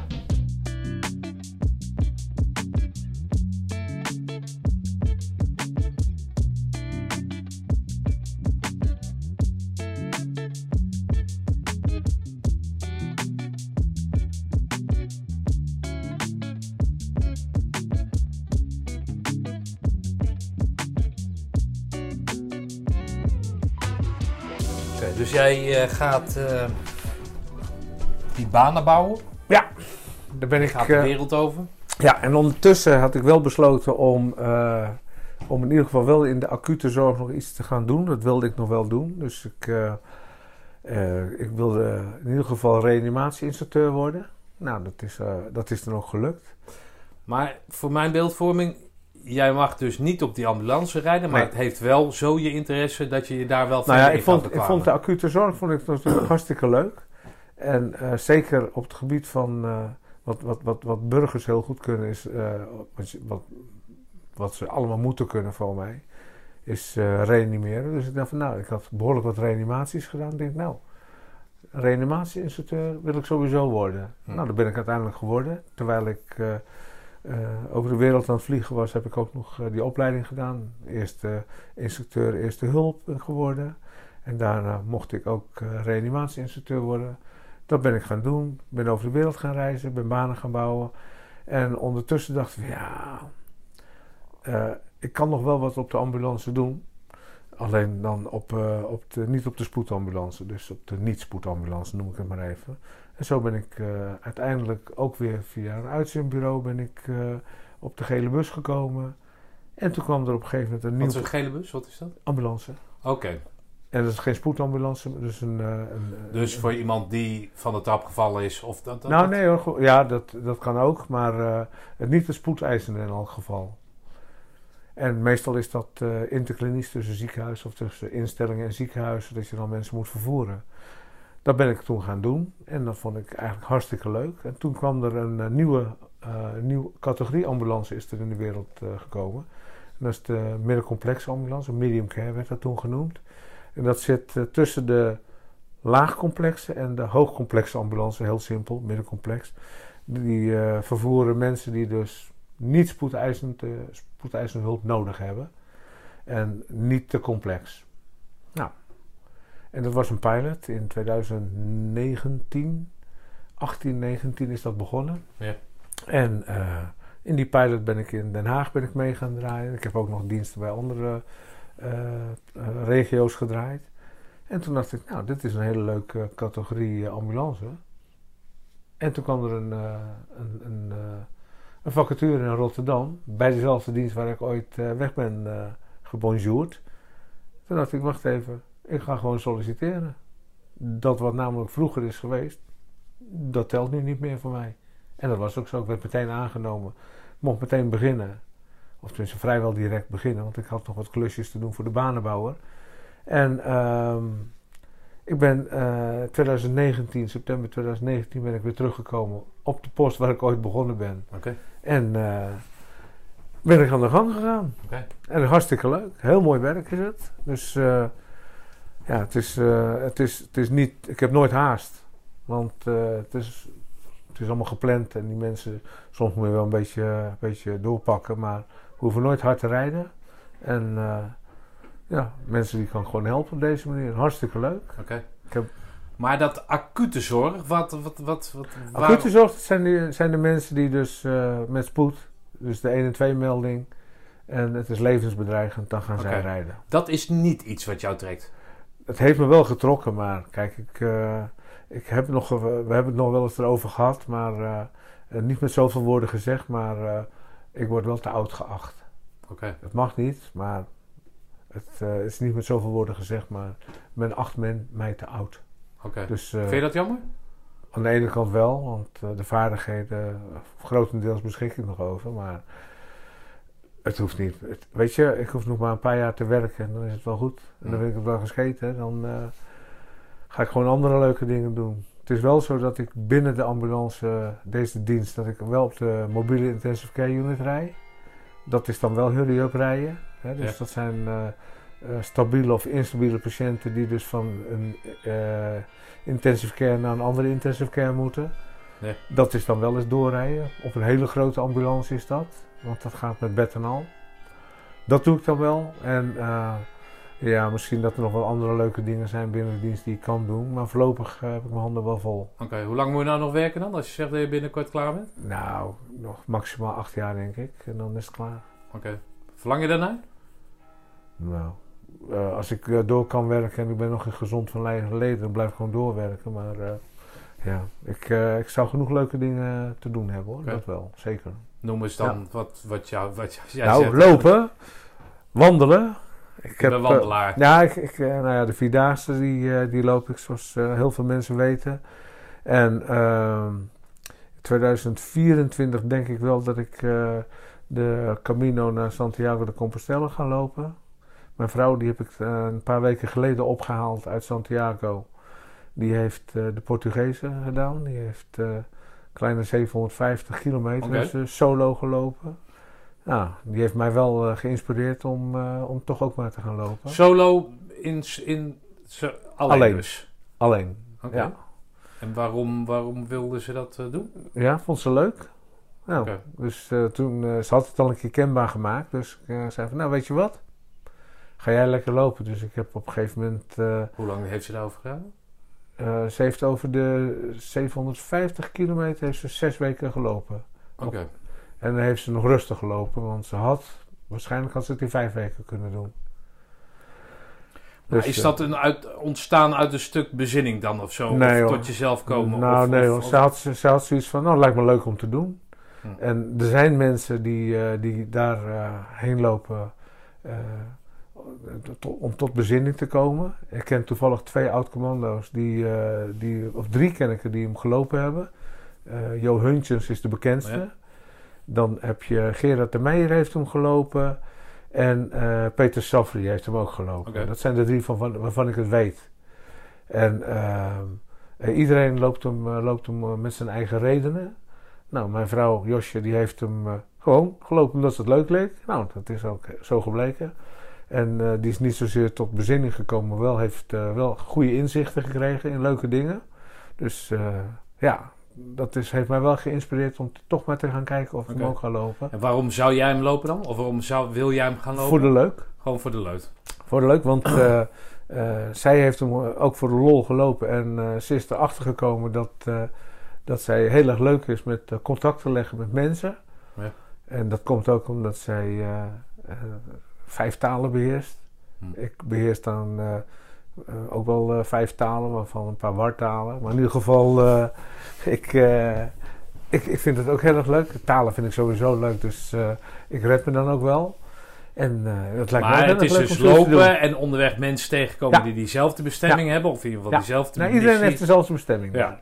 En daar trek je dan mee op. Je Nou, daar praat je mee, loop een stukje op met elkaar, maar meestal, heel vaak loop je gewoon loop je alleen. En je loopt natuurlijk wel eens een stukje op, maar niet iedereen loopt hetzelfde tempo. Nee. Dus dan, eh, Nou, dan je is hebt het geen van, verantwoordelijkheden naar anderen, dus dan Nee. is het aanhaken Nee, nee, en weer afscheid nemen. En, afscheid- en, dan, en elkaar weer tegenkomen. Dat heeft Ja. zij dus heel mooi ervaren. En eh, haar zo gehoord hebbende, denk ik van nou, dat wil ik eigenlijk ook wel ervaren. wil. En dan niet met z'n tweeën bijvoorbeeld. Nee, nee, dat is absoluut niet, eh, niet slim. Nee, want eh, eh, ik, wij, wij zijn. Want ik heb eh, de laatste 100 kilometer heb ik meegelopen met haar. Van eh, Santiago de Compostela naar Finisterre, naar Fisterra, zoals dat heet. Dat is het eind van de wereld, hè, heet dat. Oké. En ehm, wij liepen met z'n tweeën. En eh, mensen maken minder snel contact met een duo. Of met een echtpaar. Ja. En we zijn twee echt Nederlandse echtparen tegengekomen. En daar is gewoon geen contact mee te krijgen. Ja. Niet makkelijk. En dat... en, en, zo'n tocht moet je alleen lopen. Oké. Dat is duidelijk. Veel, veel leuker. Je hebt veel leukere contacten. Ja, en eh, dat wil ik ook wel ervaren. Dus eh, volgend jaar hebben we, hebben we andere plannen. Dan gaan we ook wat eh, leuk, ook leuke dingen doen, vakanties. Maar het jaar erop is, staat er nog niks vast. En ik wil het niet te lang uitstellen, want zoiets moet je doen zolang je gezond van lijf en leden bent. Oké. Trouwens, alles wat je wil doen in je leven, moet je doen terwijl je het nog kan. Want heel veel Ja. mensen sparen dagen, sparen tijd om later, als ze met pensioen gaan, dit, leuke dingen te gaan doen. Maar ja, voor hetzelfde ben je een slechte been, kan je het in één keer niet meer doen. Ja. Dus ik doe het liever allemaal eh, nu het nog kan en nu ik nog gezond ben. Ja, oké. Hey, en dan, dan zag je, hè, je hebt zo'n zo'n sticker van, eh, van de Commando eh, Toko. Nee, hoe heet Commando dat? Hut. Commando Ja, ja, ja, ja, ja. En daar kom ik altijd eh, met de Vierdaagse. Oké. En de Vierdaagse Club is hartstikke leuk. We, hebben nu, eh, we zijn ooit met een klein eh, clubje. In 2013 ben ik pas begonnen met de Vierdaagse. Na aandringen van een van de maten ben ik eindelijk gaan lopen. Want ik ben daarvoor ben ik in Schotland geweest. Daar heb ik de West Highland Way naar Spinbridge en Achnacarry Castle heb ik, Oké. gelopen. En dat was meteen de training voor de Vierdaagse. Dus ik ben meteen met de Vierdaagse begonnen. En we waren ooit met een klein clubje. En het is inmiddels zijn we met, eh, nou, ik denk 35 man zijn we zo'n beetje. Maar die lopen binnen zo'n vierdaagse met elkaar op dan, Nee, of niet? nee, nee, we, we komen elkaar tegen. Ja. Eh, in de commandohut komen de, de meesten elkaar tegen. Onderweg kom je elkaar tegen. En op de wedren is het eh, bij elkaar komen. En dan met z'n allen een drankje doen. Een drankje en een dansje is het meestal. En dan ieder gaat ieder zijn weegs. Oké. En we slapen wel met een eh, groep bij elkaar. Ja. Dat, eh, dat is wel heel erg leuk. Dat hebben we, een aantal jaren zaten we met een klein ploegje. En nu eh, zijn we met verschillende ploegjes... hebben we allemaal slaapplaatsen gevonden. Oh, leuk. Echt, echt heel erg leuk. Het is even een, een van de evenementen van het jaar. Ja. Voor mij dan in elk geval. Hey, luister eens. zitten daar dan ook maten vanuit het peloton? Zitten Ja. daar bij? Ja, er zit van mij, even kijken, van mijn lichting... nou ja, even kijken. Gert Bos, Jan van den Berg, Menno, Menno Weber. Die lopen sowieso mee. En ik zit, eh, ik zal er vast wel wat vergeten. En van andere lichtingen. Veel van andere lichtingen. Oké. En we komen elkaar allemaal tegen. Nou, het is eh, bekend dat, eh dat oud-commanders met... het gros van de oud-commanders loopt netjes met de groene beret. En heel herkenbaar. Heel herkenbaar. En ik vind dat, dat je als oud-commando, als je dan met de groene beret loopt... En dat is echt mijn mening. Je visitekaartje van het korps. Omdat er eigenlijk maar weinig eh, eh, actieve commando's in beeld kunnen komen. Dus wij zijn wel het visitekaartje van het korps, ook al, zijn, ook al dienen we niet meer. Eh, wij moeten ons beste beentje voorzetten en laten zien dat we, dat, dat, dat we van goede wil zijn. Dat we van Ja. goed, uit een goede familie komen. Dus dat is een van de redenen waarom ik gewoon de beret ook draag bij de Vierdaagse. En dat, eh, dat wordt ook wel gewaardeerd, want eh, ik defileer nog netjes in mijn uppie. Als ik eh, langs de defileerpunten kom en er wordt netjes gegroet. Dus dat is, Nou, ja, dat is echt heel leuk. Is dat. Ja, dat is leuk. Heel leuk. Hey, hebben jullie nog veel contact onderling? Met, ja, je zegt dat Ja, de ploeg. we hebben uiteraard hebben we, zoals heel veel pelotons, hebben nog een appgroep. Nou, die hebben wij ook. Ja. En die wordt naar de verjaardagen worden van niemand vergeten. Dat is heel makkelijk, want we kennen van iedereen het registratienummer. En eh, lief, lief, lief en leed eh, wordt, ook, eh, wordt ook gedeeld. We hebben een van de maten is ons in 2014 is die ons ontvallen. een van de landmachtmaten, want er zijn al drie mariniers uit onze opleiding, die zijn ook al gehemeld. En nou, lief en leed delen we wel met elkaar. En ja, dat vind ik wel heel erg fijn. Heel erg fijn, want op een of andere manier, je hoeft nooit wat uit te leggen aan elkaar. We begrijpen elkaar gewoon. Dat was de reunie die we dus in april hadden. Nou, er was één van de maten, die hadden we echt al lang niet meer onder in de groep gehad. Die is, want een aantal van ons is beroeps geworden. En, maar die had een hele tijd niet meer in beeld geweest. Die niet, is lang niet meer in beeld geweest. En die was er weer bij. Ja, dat was gewoon weer als van ouds. Onvoorstelbaar. dat, dat, je na 40 jaar, dat je nog steeds gewoon dezelfde, nou, het, dezelfde mens ziet. Dat is echt heel erg En dat is vanaf het begin geweest? Na afzwaaien is, is die, dat, die, dat nee, contact? Hij, of is dat... hij is... nee, maar met z'n allen?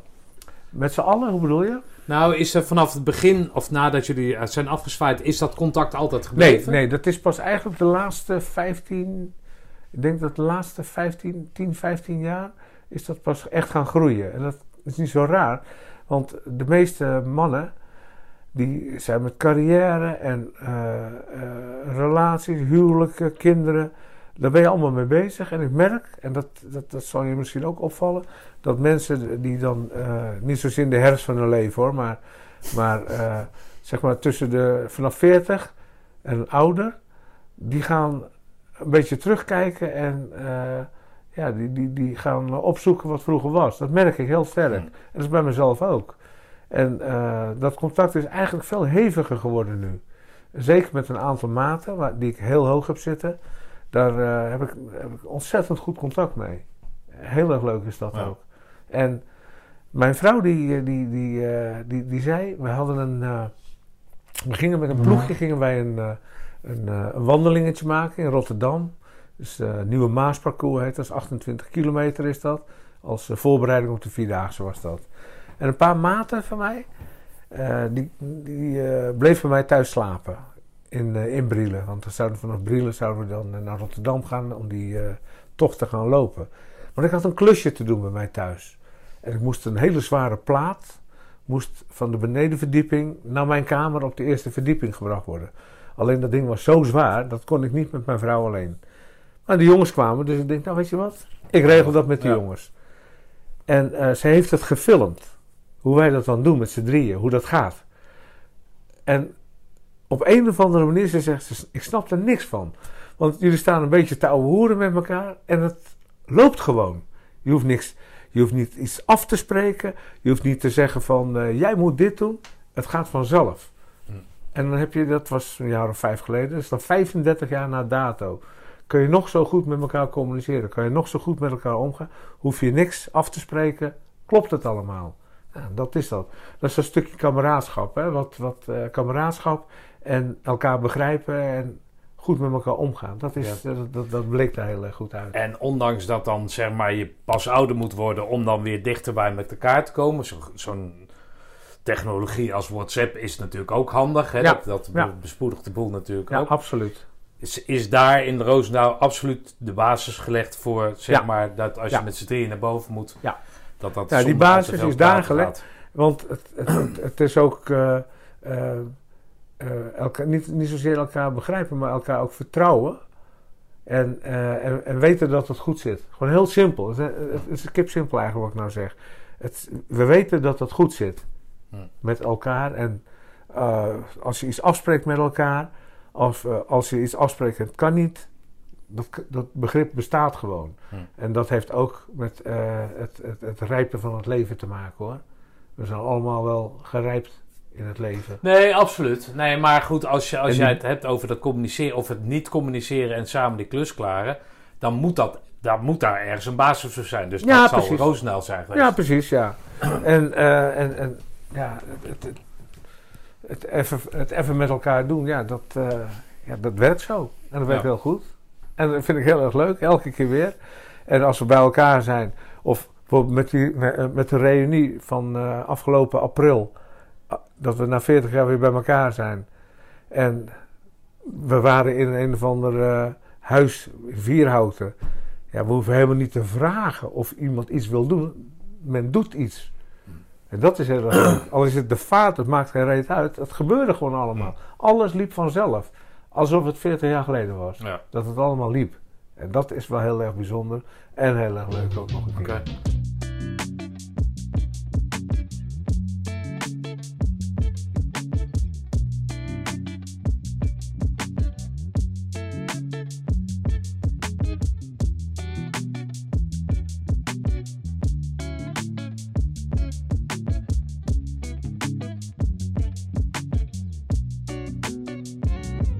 Is die eh daarop inhakend?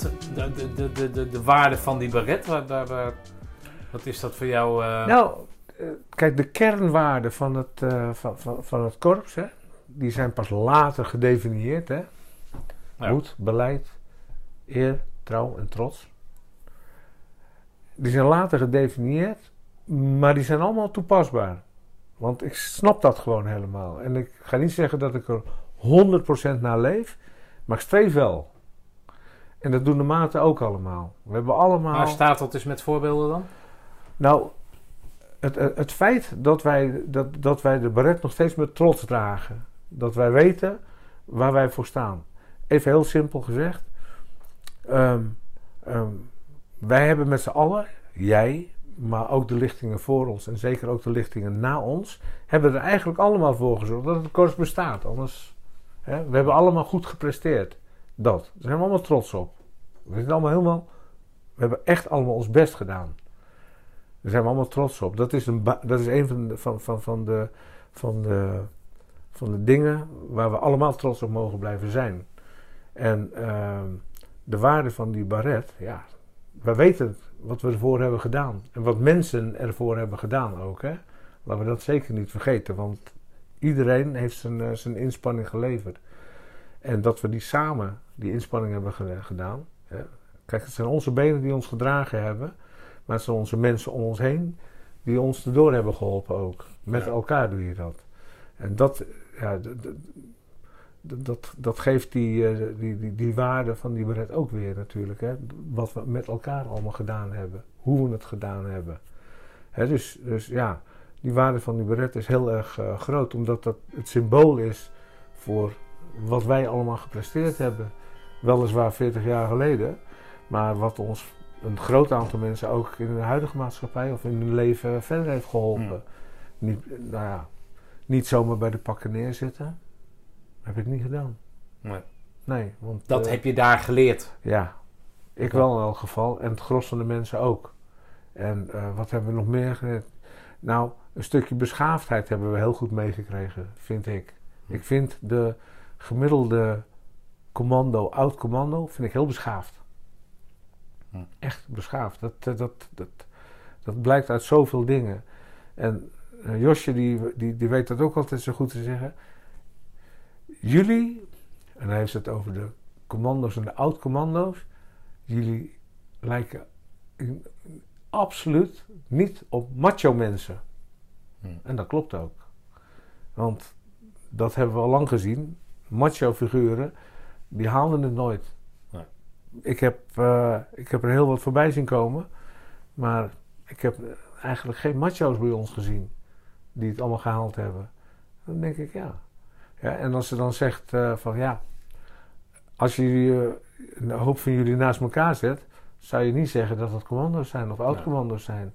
En dat klopt ook. En in de ECO, als tegenhanger daarvan, heb je die matches wel voorbij zien komen en zien We afvallen. hebben, dan. we hebben er wel wat, wat zien afvallen, ja. Hm. Ik bedoel, als je met 125 man opkomt en je gaat met een kleine 60 eh, de ECO in, als het niet meer is, en je ziet wat er allemaal afvalt, dan denk je, ja, oké. En ik heb jongens afzien vallen dat ik dacht van, hè, dan kijk je alleen naar het fysiek, dan denk je, nou, die is toch fysiek, is, die zou die toch makkelijk kunnen. Ja. Maar ik was maar een heel klein ventje. En als je nou kijkt naar, naar de maten in mijn, eh, mijn peloton van mijn ECO. Ja, van de mariniers, dat waren een paar, grote, eh, een paar, een paar sterke grote gasten. Maar van eh, de landmachters, nou, ik heb niet veel gezien hoor bij ons. Ja. Nee, en dat op een of andere manier ja, hoef je niet dat, dat grote zware figuur te hebben. En dat is wel gebleken. En dat zegt mijn vrouw elke keer van ja, jullie lijken er niet op. Hm. Nee, dat is ook zo. Ja. Hey, wie was, even, even terughalen, wie was jullie pelotonscommandant dan? Nobel Eh, was PS en ja, wie was PC? En uh, Ron Robbemond. Oh, Robbermond. Ja, Oké. Ja, ja, oké. Ja. Fijne vent? Hele fijne vent. Ja, echt. eh, ja, en die betrekken we ook gewoon bij onze activiteiten met ons, onze ECO, ons peloton. Hm. En dat vind ik heel erg leuk, want ja, het is ongelooflijk leuk om hem erbij te hebben. Echt, En daar geeft hij ook leuk. elke keer gehoor aan? Ja. Ja. Oké, was hij zijn, wa- waren jullie zijn Hij- eerste peloton dan of zo? Dat weet ik eigenlijk niet. Ik denk, Ja. ja. ik denk het haast wel. Ja, volgens mij was, wa- was hij de eerste keer. eh, ja, PC van ons. Was, was, waren wij zijn eerste peloton. Oké. Denk ik hoor. Ik weet het niet eens zeker, joh. Ik vind van wel. Ja, jij vindt Maar het is wel. altijd leuk. Ja, het is ook wel leuk, want we zijn ook op zijn afscheid geweest toen. Want eh, Oké. hij, is, hij is dus. eh, hij was volgens mij stafchef bij het KMA. Ja. En daar hebben we zijn afscheid gedaan. Bij, we hebben niet bij iedereen afscheid gedaan. We hebben, zijn er vier zijn er bij ons eh, gebleven. geworden. Nou ja, Ron was natuurlijk al eh, beroeps. Maar eh, even kijken. Van Gorkum was, is beroeps geworden bij de genie. Ehm, van Sonsbeek, die ging, tenminste, ja, die is, die is naar de KMS gegaan en die is bij de verbindingen gaan werken. En dan hadden we Verhoeven, die is bij de geneeskundige dienst gegaan. Hmm. En eh, Van Gorkum, die deed de officiersopleiding. Van Sonsbeek, die is naar de KMS, KMS gegaan, maar uiteindelijk de officiersopleiding gaan doen. En eh, die zijn allebei als overste afgezwaaid. En eh, Soms nee, Verhoeven die Oh, is ja. dus uiteindelijk brigade-adjudant geworden van de OCL. Oké. En ik had de eer, dat vind ik echt wel heel bijzonder. Dus tijdens COVID is die, eh, is die met FLO gegaan. Ik was de enige van zijn peloton die eh, uitgenodigd eh, mocht Ah, worden. mooi. En eh, dat was een heel bijzonder afscheid, kan ik je vertellen. Ja. Echt heel bijzonder was dat. Ja. Want eh, ja, je mocht maar met 30 man, mensen mochten we er zijn toen. Oh, dat is mooi. Ja, Dat ja is die zeker COVID-periode. Over COVID gesproken. eh, ja, ehm, wat, wat, wat heb jij daar eh, in, in, eh, in meegemaakt? alles. Ik heb eh, ja, op, de, op de ambulance, zeker op de ambulance waar ik werk, daar eh, heb ik alles wel gezien. Echt, de, nou laat ik het heel, s- eh, heel netjes zeggen, alle narigheid heb ik gezien. En je moet je voorstellen dat wij mensen uit huis haalden die dan echt ziek waren. Want mensen met lichte besmettingen kwamen niet bij ons, maar de echt zieke kre- kregen wij. En eh, die moesten we dan naar eh, zogenoemde cohorten moesten we die brengen. En er was een aantal cohorten waarvan je wist, daar komen ze nooit meer uit, levend. Cohorten zijn opvangplekken of zo. Dat zijn eh, verzamelplaatsen, noem ik het maar Ah, even ja. netjes. Waar mensen dus geïsoleerd worden. geïsoleerd werden. En daar heb ik er heel wat van gezien. En het gros wat ik daarheen bracht, dat is niet meer in leven. Oké. Dat is echt heel triest geweest. Hele zware periode geweest eh, voor, de, voor de zorg. Want eh, ik heb wat ellende gezien. En als je dan eh, ook nog op de IC's komt, want die heb ik dan ook eh, veelvuldig gezien vanuit mijn werk, dan word je heel stil. Hmm. Dan weet je van oké, eh, dit is erg. En ik hoop echt, echt, echt dat we de, de, de komende periode, dat we dat, eh, dat het een stuk minder wordt in elk geval. En dat denk ik eerlijk gezegd ook, maar ik hoop het helemaal. Want, Een stuk eh, minder zo- dat, dat de besmetting een zoveel, stuk, eh, zoveel zieke mensen. Ja, zoveel doodzieke mensen. Want eh, die heb ik veelvuldig gezien. Ja, Mm. dat is heel triest hoor. En het meest trieste is niet zozeer dat die mensen... Ja, het blijft natuurlijk triest als mensen doodgaan. Maar mensen thuis ophalen of vanuit een zorginstelling ophalen... en naar een ziekenhuis brengen waar ze uiteindelijk komen te overlijden.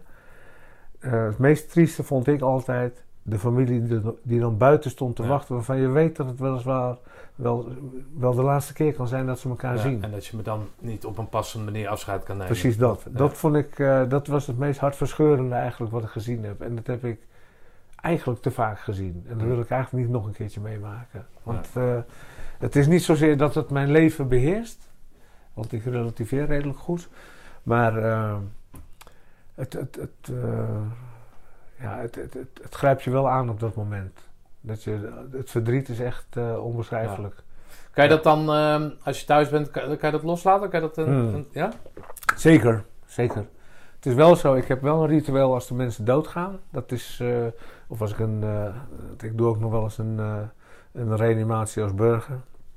En als die, eh, als die slaagt, is er, is er natuurlijk niks aan de hand. Dan is het alleen maar eh, blij. En slagen betekent bij mij niks anders dan dat mensen met hartslag het ziekenhuis in Ja. gaan hoor. Ik wil niet zeggen dat ze het overleven, maar Ja. dat vind ik op zich al een eh, geslaagde reanimatie.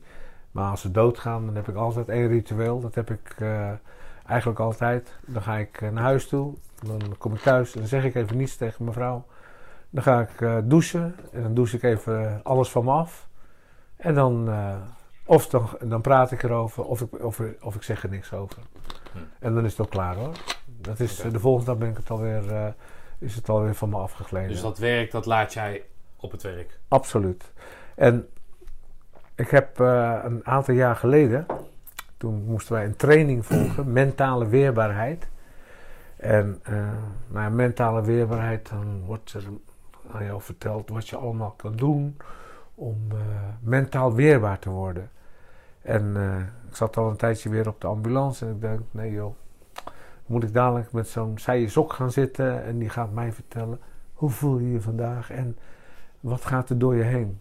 Nou, met die instelling eh, van wat gaan we nou weer doen, ben ik die training ingegaan.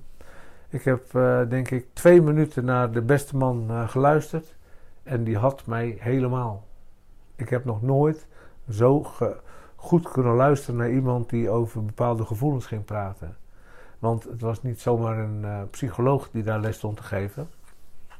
Het was namelijk een voormalige brandweerman die psycholoog is geworden die daar les kon geven.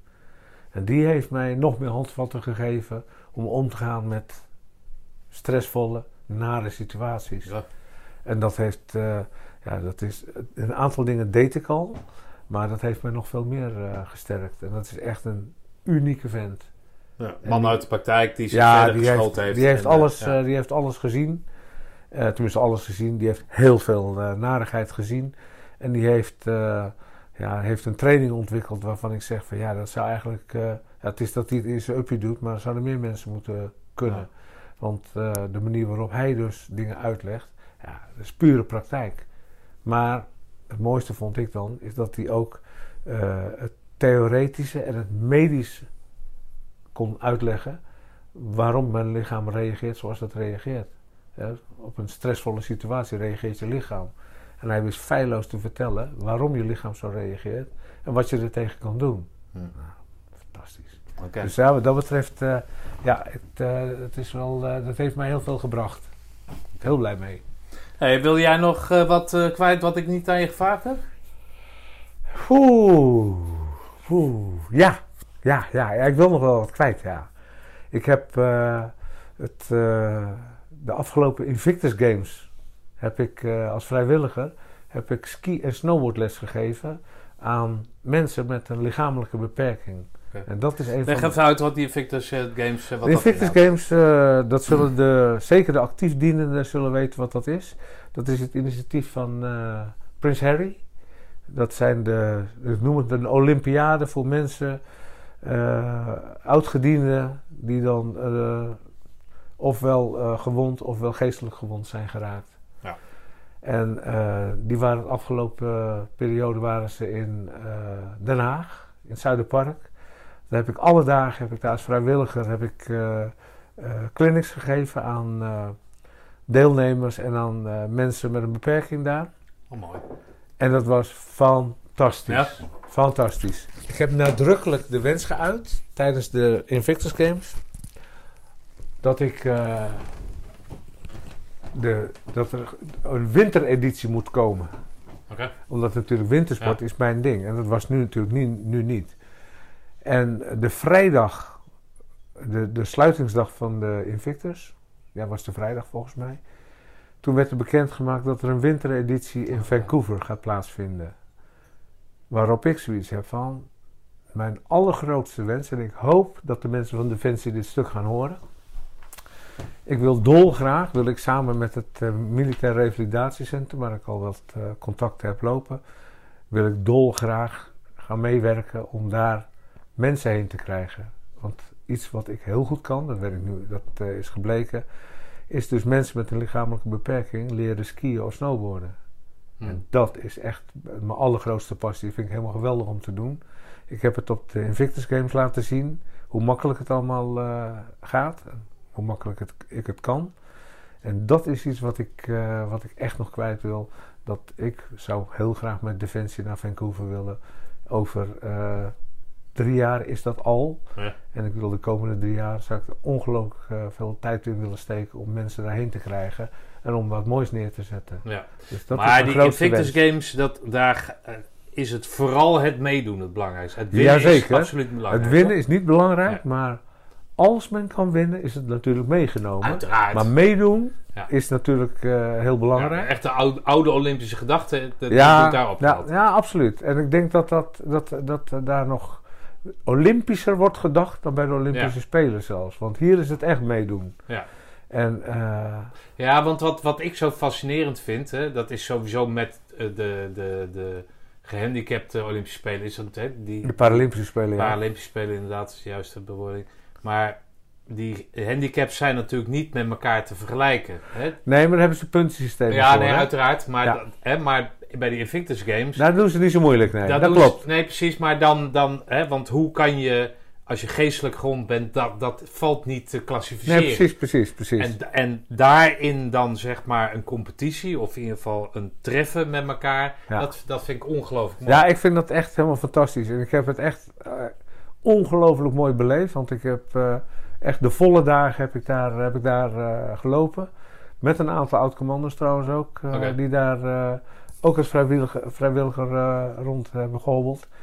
Eh, maar het is echt eh, ja, een heel bijzonder, heel bijzonder evenement. Volgend jaar is het in Düsseldorf. Oh, het is elk jaar. Nee, het is nu een paar jaar achter elkaar. Omdat natuurlijk uh, Oh, COVID tussendoor ja, ja, maar anders één keer in de vier jaar. 2020 was de bedoeling. Ja. Was, was eigenlijk Den Haag 2020. Nou, is twee keer uitgesteld geweest. Is 2022 geworden. En volgens mij was Düsseldorf 2022. ja, ja, oké. Dus ze hebben een sprongetje moeten maken. Dus ze hebben het nu een jaar ertussen. Of meteen een jaar erna. Dat eh Düsseldorf eh, gaat. Ik weet niet of ik daarbij zal zijn. Maar ik zou dolgraag de, de, de, de Nederlandse equipe voor eh, Vancouver... zou ik zeker een, een bijdrage kunnen en Oh, willen leveren. Dus dat, dat is mijn, mijn vurige wens. En dat wilde ik zeker nog even kwijt. Nou, dat was hem dan weer. Evert, dank voor je verhaal en het ga je goed.